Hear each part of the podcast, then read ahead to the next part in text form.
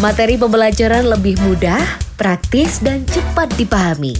Karena sekarang belajar bisa kapan pun dan di mana pun. Download aplikasi Pernah Dengar sekarang di pernahdengar.id.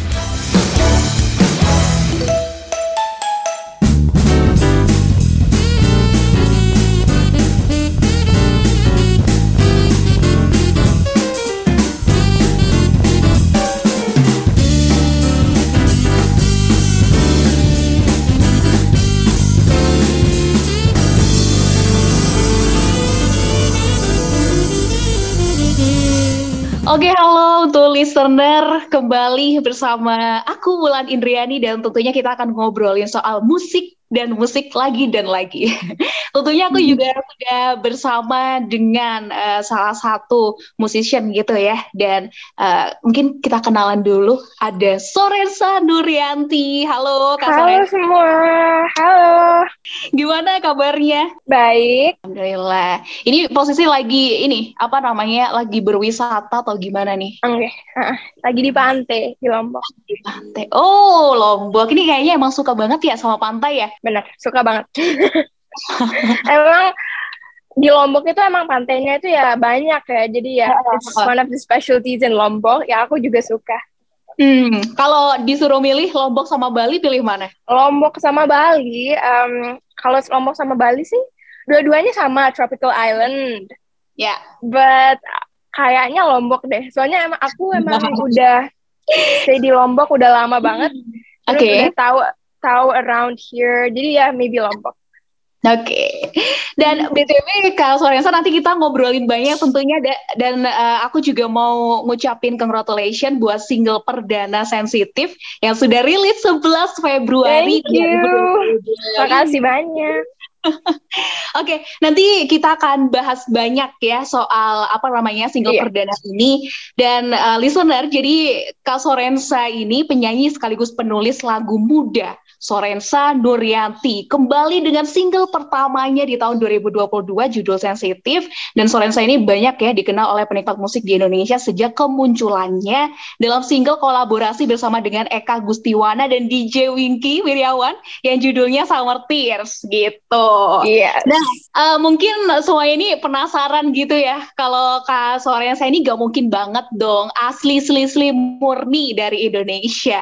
Nah, Kak Sorensa ini denger-dengar juga lahir di Belgia gitu ya. Boleh dong Iya diceritain benar.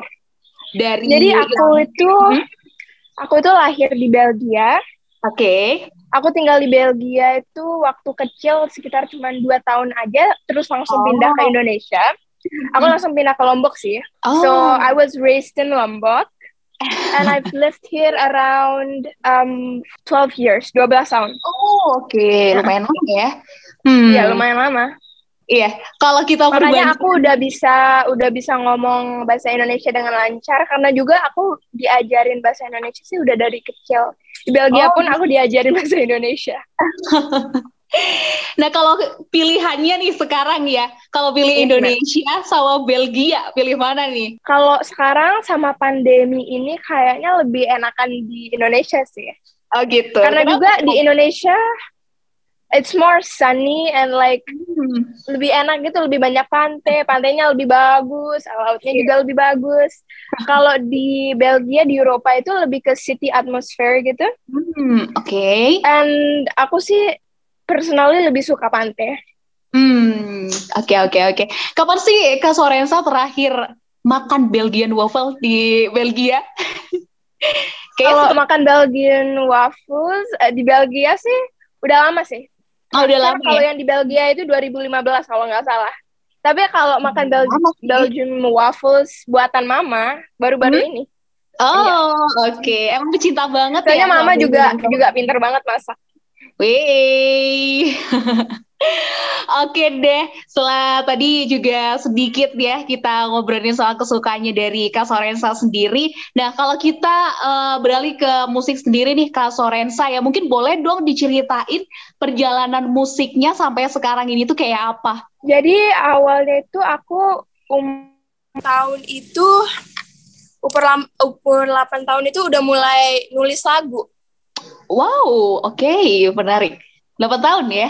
Um, jadi dari umur 8 tahun itu aku udah suka banget nulis lagu. Aku hmm. dari kecil udah suka nulis lagu, terus um, sering kasih lihat mama papa gitu ciptaan aku. Tapi ya masih masih yeah. asal asal for fun hmm. gitu. Ya. Yeah. Terus akhirnya itu aku buat single pertama ya yeah. um, tahun 2018 dengan judul Casual Girl bisa oh, di okay. Spotify and all the platforms juga ada video klip um, kecil di hmm? YouTube YouTube hmm? aku sering Oke. Okay. Um, membawa lagu Casual Girl ini di The Voice Kids hmm? Indonesia 2018. Jadi aku oh. itu the first person in The Voice Kids Indonesia yang bawain lagu Wih, menarik sekali. Wah, keren, keren, keren. Tapi sebenarnya kalau kita bicara soal support system sendiri yang selama ini kayak uh, ngasih energi terus-terus-terus ke kelas Forensa, siapa nih? Mama, papa, atau mungkin ada yang Mama, lain? Mama, papa emang kalau di masalah bidang musik ini. Oh. Mereka and wants me to continue with my dream gitu, and yeah. jangan ah putus asa gitu. Mm-hmm. Kalau dari mama papa sendiri emang basically juga uh, suka banget ya sama musik ya? Iya, papa papa dulu uh, manajer artis di Belgia. Hmm, oh oke. Okay. Uh. Nggak terlalu music minded, tapi papa papa dulu suka. Tapi um, kan dia semenjak pindah ke Lombok itu udah stop gitu, break for a while from music gitu. Oke. Okay. Tidak dengar waktu umur 8 tahun nyanyiin lagu terus bawain lagu sendiri dia pun interested in music again Wih, pernah gak sih satu panggung gitu sama papa? Jadi kayak Kak Soren saya nyanyi terus papa yang ngiringin gitu? Papa sih nggak bisa main musik ya. Papa oh, itu nyanyi artis gitu. Oh, oke okay, oke. Okay. Berarti di balik layar ya? Iya, di balik layar. Oke, okay. ya. Tadi sempat disinggung ya pernah ikut The Voice Kids. Oh, itu sebagai ajang pertama yang pernah diikutin gitu ya? Apa gimana? Ya, itu pertama kali aku um, ikut-ikut kompetisi. Hmm? Pertama kali di The Voice Kids Indonesia. Okay. Terus setelah dari The Voice Kids Indonesia, aku lanjut lagi buat lagu, of course. Yeah. Um, terus lanjut dengan single Dear Mom and Dad. Hmm? Hmm? Menceritakan tentang um, how much I love and appreciate my parents. Oke. Okay. Terus aku sering nyanyiin di depan teman-teman aku, di depan kadang aku juga manggung di kafe-kafe kecil. Hey. aku lanjutin dengan single next, judulnya Pink Jeans. Oke. Okay. Menceritakan tentang um, ngomong dengan objek yang tidak hidup gitu. Jadi it's your imagination. Oh, oke okay, oke okay. menarik menarik. ya, aku lanjutin dengan Summer Tears yang mm-hmm. as you know um, aku yeah. bawain dengan Eka Gusiwana dan Winky Wiryawan. Mm-hmm. Terus aku syuting video klipnya di Ubud. Oh, mm-hmm. so fun and it was a great experience of course. And of course now di tahun 2022 aku bawain aku um, keluarin lagu baru judulnya Sensitive. Yeah. Sensitive udah keluar um, satu bulan. Hmm, oke oke. Okay, okay juga udah keluar di YouTube mm-hmm. and juga YouTube yang tadi saya yeah. bilang um, Sorenza Nurianti Volkar. Hmm. Also on Spotify and all the platforms.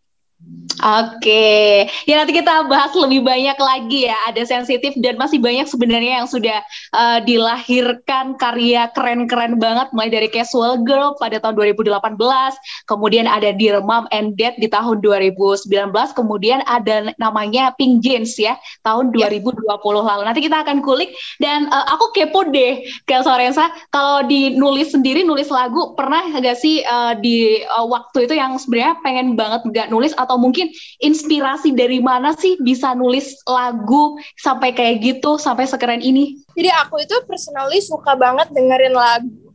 Like kalau lagi nggak ngapa-ngapain, the hmm. first thing itu dengerin lagu. Mau dari oh, artis okay. sampai underground artis. Hmm. Kalau masalah favorite artis, aku suka dengan Melanie Martinez. Oh, mm -hmm. Creation terus kalau nyari inspirasi itu ya dari lagu-lagu yang aku dengar. Kalau lirik itu aku kan dari dulu itu suka banget poetry gitu. Kayak baca-baca poetry mungkin nggak nggak ngedalemin banget tapi ya yeah. ingit itu seru gitu. Loh yeah. jadi I get my inspiration for writing lyrics dari situ Oke, bisa kebayang gitu ya Kak Sorensa di pantai dengerin musik gitu kan, pakai headphone terus nulis lagu wah itu enak banget sih. Aduh. Ya benar. Oke oke oke. Kak Sorensa, ini juga fun fact juga ya. Kak Sorensa ini kan is also called the girl with the white guitar. Ini ada cerita apa sih di balik uh, gitarnya ini? Kok sampai dapat julukan kayak gitu? Dari dulu itu aku tuh um, selalu pakai white guitar. Oke. Okay. Manggung di mana-mana itu white guitar. Oh. Papa itu buatin panggilan The Girl with the White Guitar and I think it's really really catchy gitu um, catchy so um, the Girl in the White Guitar itu kayak karena aku udah sel aku selalu kalau manggung kalau apa-apa pakai gitar itu juga waktu di The Voice Kids itu aku juga pakai the white guitar Hmm, emang kalau dibalik cerita gitar sendiri itu sebenarnya emang sengaja banget buat jadiin ciri khas atau emang ada cerita di balik itu mungkin ini tuh pemberian dari papa atau lain-lain gitu, Kak Sorensa? Enggak sih, it was basically a coincidence. Soalnya aku itu waktu itu mau beli gitar gitu, mau nyoba-nyoba main gitar. Soalnya aku itu tak mama papa tuh, ma apa boleh beliin gitar dong, aku pingin coba gitu. Akhirnya itu ngelesin hmm. gitar awalnya sih otodidak terus ngelesin gitar karena aku mau nerusin nerusin my journey in music and guitar gitu oh, oke okay.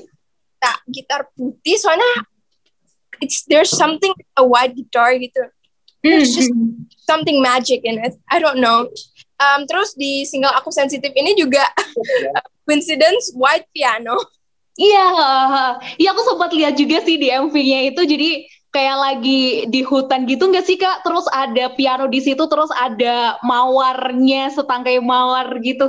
Ih, oke, okay, ntar kita bahas ya sama MV-MV-nya. Tapi sebelumnya kalau dari track, track recordnya sendiri, Kak Sorensa ini kan juga sempat merilis single tadi yang sudah aku sebutin ya dari Casual Girl, ter terus ada Dear Mom and Dad, terus ada Pink Jeans. Nah, kalau dari tiga single yang sempat dikeluarin ini, yang sempat dirilis ini, yang bener-bener berkesan banget itu yang mana? Berkesan banget. Uh, maybe probably Dear Mom and Dad. Oh, okay. With all my heart. It was about my parents. Mm -hmm. um, my parents, how much I love them and appreciate them. Mm -hmm. Nulis lagu itu bener-bener pakai hati sih. Ya. Yeah. Oke, okay. emang itu dipersembahkan buat mama sama papa gitu ya? Iya benar. Oke, okay. pas waktu pertama kali mama papa denger lagu ini gimana responnya? Ekspresinya gimana tuh? Ceritain dong. Emang terharu, um, impressed with the fact that I would um, um, soalnya kan biasanya ini nowadays itu nggak banyak lagu tentang orang tua gitu kan. Iya benar, benar benar. Aduh kok kok kok mikirin kita gitu. Tapi ini juga dari tiga ini juga semuanya nulis ke Sorensa ya? Iya benar. Wow. Aku Baik, baik, baik. Nah, setelah tadi kita juga bincang sedikit ya dari track record atau uh, beberapa karya yang juga nggak kalah keren sama karya sensitifnya. Nah, sekarang uh, mungkin kita langsung saja ke single perdana yang baru saja rilis soal sensitif ini. Mungkin boleh dong Kak diceritain sebenarnya lagu ini tuh nyeritain soal apa sih? Lagu sensitif itu menceritakan tentang proses um, seorang anak menjadi remaja dan mulai merasakan hal-hal um, lebih dari cinta gitu. Oke. Okay. Mm-hmm. Kan kita ini waktu kecil itu nggak mikirin cinta, nggak mikirin aneh-aneh gitu, tapi kan iya, benar. mulai, mulai perasaan baru that you've never experienced, tapi tiba-tiba muncul jadi sensitif itu menceritakan tentang proses pende um, menjadi remaja. Oke, okay. ya intinya di sini tuh kayak mengenalkan cinta itu sebenarnya kayak apa gitu kan kak ya. Nah kalau dari Kak Sorensa sendiri uh, mendefinisikan cinta itu sebenarnya apa? Jadi dalam artian cinta itu bukan tidak harus pasangan, bisa mm-hmm. keluarga, uh, yeah. teman dalam artian itu aku tuh um, buat lagu itu with my imagination kalau aku di posisi itu oh oke oke oke I've never actually experienced what I've experienced in the song. Ya. More ekstrapolasi gitu. Oh, oke oke oke. Nah, kalau dari judulnya ya, sensitif. Terus ini hubungannya sama cinta. Sebenarnya kalau dari remaja-remaja sekarang itu kan uh, lebih sensitif sih emang ya. Kayak tapi ada loh mungkin perspektif di luar sana gitu kak. Uh, orang itu nganggap kayak ih gitu aja baperan ih gitu aja baperan. Pernah gak sih di titik kayak gitu? Padahal sebenarnya kita itu sebagai manusia itu kayak yang ya kan uh, wajar gitu loh uh, merasakan. Dia gak sih? Hmm. sih tergantung environmentnya tergantung posisinya di mana. Kalau lagi oh. ngejob ya nggak apa-apa mungkin ya. Tapi kalau lagi lagi marahan sama pasangan ya. atau sama teman terus dipanggil baper ya sedikit menyakitkan. Bener banget. Oke oke, okay, okay. kalau dari Kak Sorensa sendiri ya, uh, ini kan dari proses perjalanan pendewasaan versinya Kak Sorensa. Sebenarnya uh, yang dimaksud pendewasaan kalau menurut Kak Sorensa itu yang kayak apa sih kak atau mungkinkah dari kita bisa melihat orang dari umurnya gitu atau mungkin dari experience-nya dan lain sebagainya boleh diceritain ke Sorensa biasanya sih proses um, mendewasa menjadi lebih remaja gitu hmm? uh, dari how you see things gitu ya. cara hmm. um, perspektifnya in situation gitu oh. jadi how you becomes different, how you feel becomes different. Semua berubah hmm. gitu. Nggak seperti waktu kanak-kanak lagi. So you yeah. you're busy um, finding new finding out new things gitu. Oke, okay. nah kalau kembali ke lagu sensitif nih ya, eh, selama proses produksi ada nggak sih hal-hal yang mungkin sampai sekarang tuh kayak masih kerasa banget gak bisa dilupain gitu momennya? Waktu buat video klip itu bener-bener seru banget, gila seru banget. Hmm. Terus experience um, experience-nya itu nambah juga. Ya. Yeah. Mm -hmm. Just unforgettable how exciting it was and how fun and like I've never really experienced any that fun gitu. Oke, okay. intinya kalau dari ini ya lebih ke produksi MV-nya. Aku kan juga sempat lihat tuh kayak sore saduk banget pakai dress gitu kan. Terus abis itu jeng jeng jeng tiba-tiba itu di tempat yang beda gitu. Kayak apa sih uh, taman gitu. Tuh savana aku kurang ngerti ya. Mungkin boleh diceritain plotnya itu gimana sih plot cerita MV itu? Ya, twistnya itu hmm. ya lagi lagi finding their way somewhere. Oke. Okay. terus this mystic looking piano. Mm. Why, bisa ada kok bisa ada piano di tengah forest gitu kan mistik gitu jadinya kesannya iya yeah. remaja perempuan itu akhirnya mencoba main mm -hmm. nasi kalau she's in a dream world of flower field gitu so it's yeah. more imagination Hmm, oke. Okay. Kalau dari konsep MV-nya itu uh, sebenarnya ide dari mana? Yang bikin ide jalan ceritanya?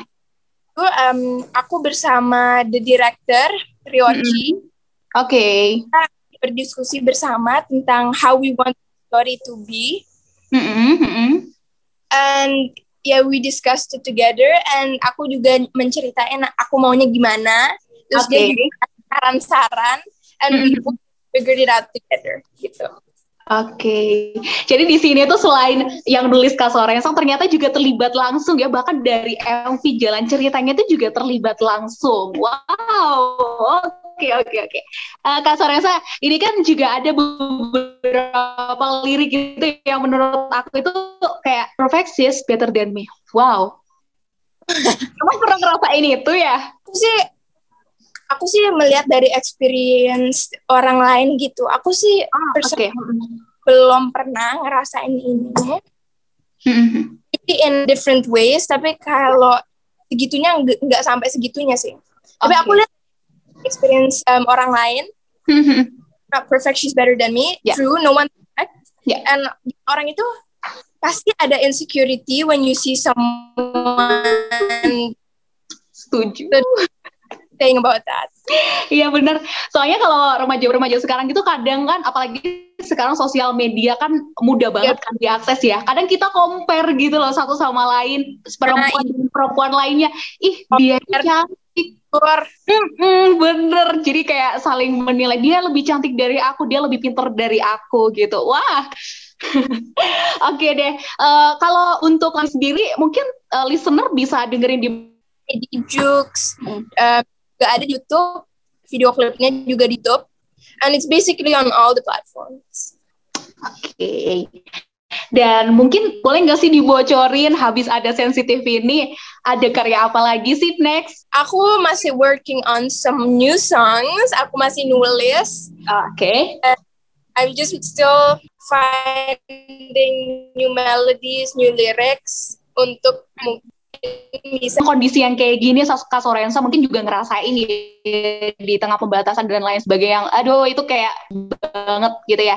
Sebenarnya uh, ngerasa juga nggak sih ngerasa kedampak juga nggak sih Kak Sorensa? Dengan pandemi ini? Yes. Um, dengan pandemi ini ya every artist pasti ada. Oke. okay. Gara-gara pandemi ini lebih sulit um, to go to the studio ya, lebih di Lombok itu studionya itu um, kurang ya jadi lebih baik oh. kita terus ya with the pandemi agak sulit harus vaksin harus PCR antigen gitu so hmm. kinda ada efeknya Oke, okay. mungkin ya next hmm? udah getting better kan, yeah. so people travel more, hmm. and I think it's good that it's starting to get better. Oke, okay. tapi di tengah kondisi kayak gini tuh kayak nggak ngurangin semangatnya Kak Sorensa gitu ya sebagai musisi, sebagai soal seniman itu kayak semangatnya masih tetap gitu loh. Harus selalu ada semangat, pasti nggak bisa dong um, cuma nyerah gara-gara pandemi, gara-gara something happen, you can not gitu. Intinya nggak jadi hambatan buat tetap berkarya gitu ya. Oh, oke okay, oke. Okay. Kak Sorensa, mungkin uh, ini sebagai yang paling akhir gitu ya, okay. karena lagu sensitif ini juga uh, mengisahkan soal kisah perjalanan untuk menuju pendewasaan mungkin.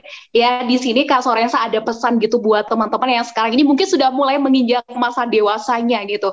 Uh, ada pesan apa nih buat listener? Pesannya itu it's okay to it's normal normal banget untuk mulai ngerasain hal baru di percintaan di pertemanan it's normal and hmm. jangan ngerendahin diri cuman karena insecurity because nobody's perfect no matter what nobody's perfect and I think we should accept that and just love ourselves and of course jangan bingungin tentang perasaan ini dan jangan mikir kalau ih aku aneh banget sih kenapa tiba-tiba tiba-tiba ngerasain ini kok hmm. baper jangan gitu it's normal oke okay. Wah, oke okay deh, thank you banget Kak Sorensa udah dikasih pesan juga dan buat listener ya yang kepo banget nih sama uh, single perdananya ya ini ya uh, dari yeah. Kak Sorensa kayak apa langsung aja bisa cek di semua platform juga ada ataupun MV-nya ini juga sudah rilis di YouTube. Oke, okay. dan Uh, karena kakak Sorensa ini kan juga suka banget sama pantai, mungkin rekomendasi kalau misalnya main-main ke Malang boleh lah di sini banyak loh kak pantai. Di um, di Lombok itu kan bentar lagi mau ada motor GP. Oh iya, uh, uh. Terus ya di Mandalika udah mulai rame nih, jadi hmm. ayo. Senggigi juga, Senggigi juga bagus hmm. banget. Oke deh. Pokoknya intinya Kak Sorensa sehat terus, bahagia terus, dan ditunggu pastinya semua karya-karyanya sama kita. Dan sekali lagi selamat ya, congratulations buat single perdananya. Sukses terus Kak Sorensa. Thank you. Oke, okay. dan thank you juga buat listener ya yang sudah ngedengerin di sesi podcast ini sama Kak Sorensa, Sorensa Duryanti. Dan tunggu juga untuk sesi-sesi selanjutnya sama musisi-musisi dan orang-orang keren lainnya. Thank you dan goodbye.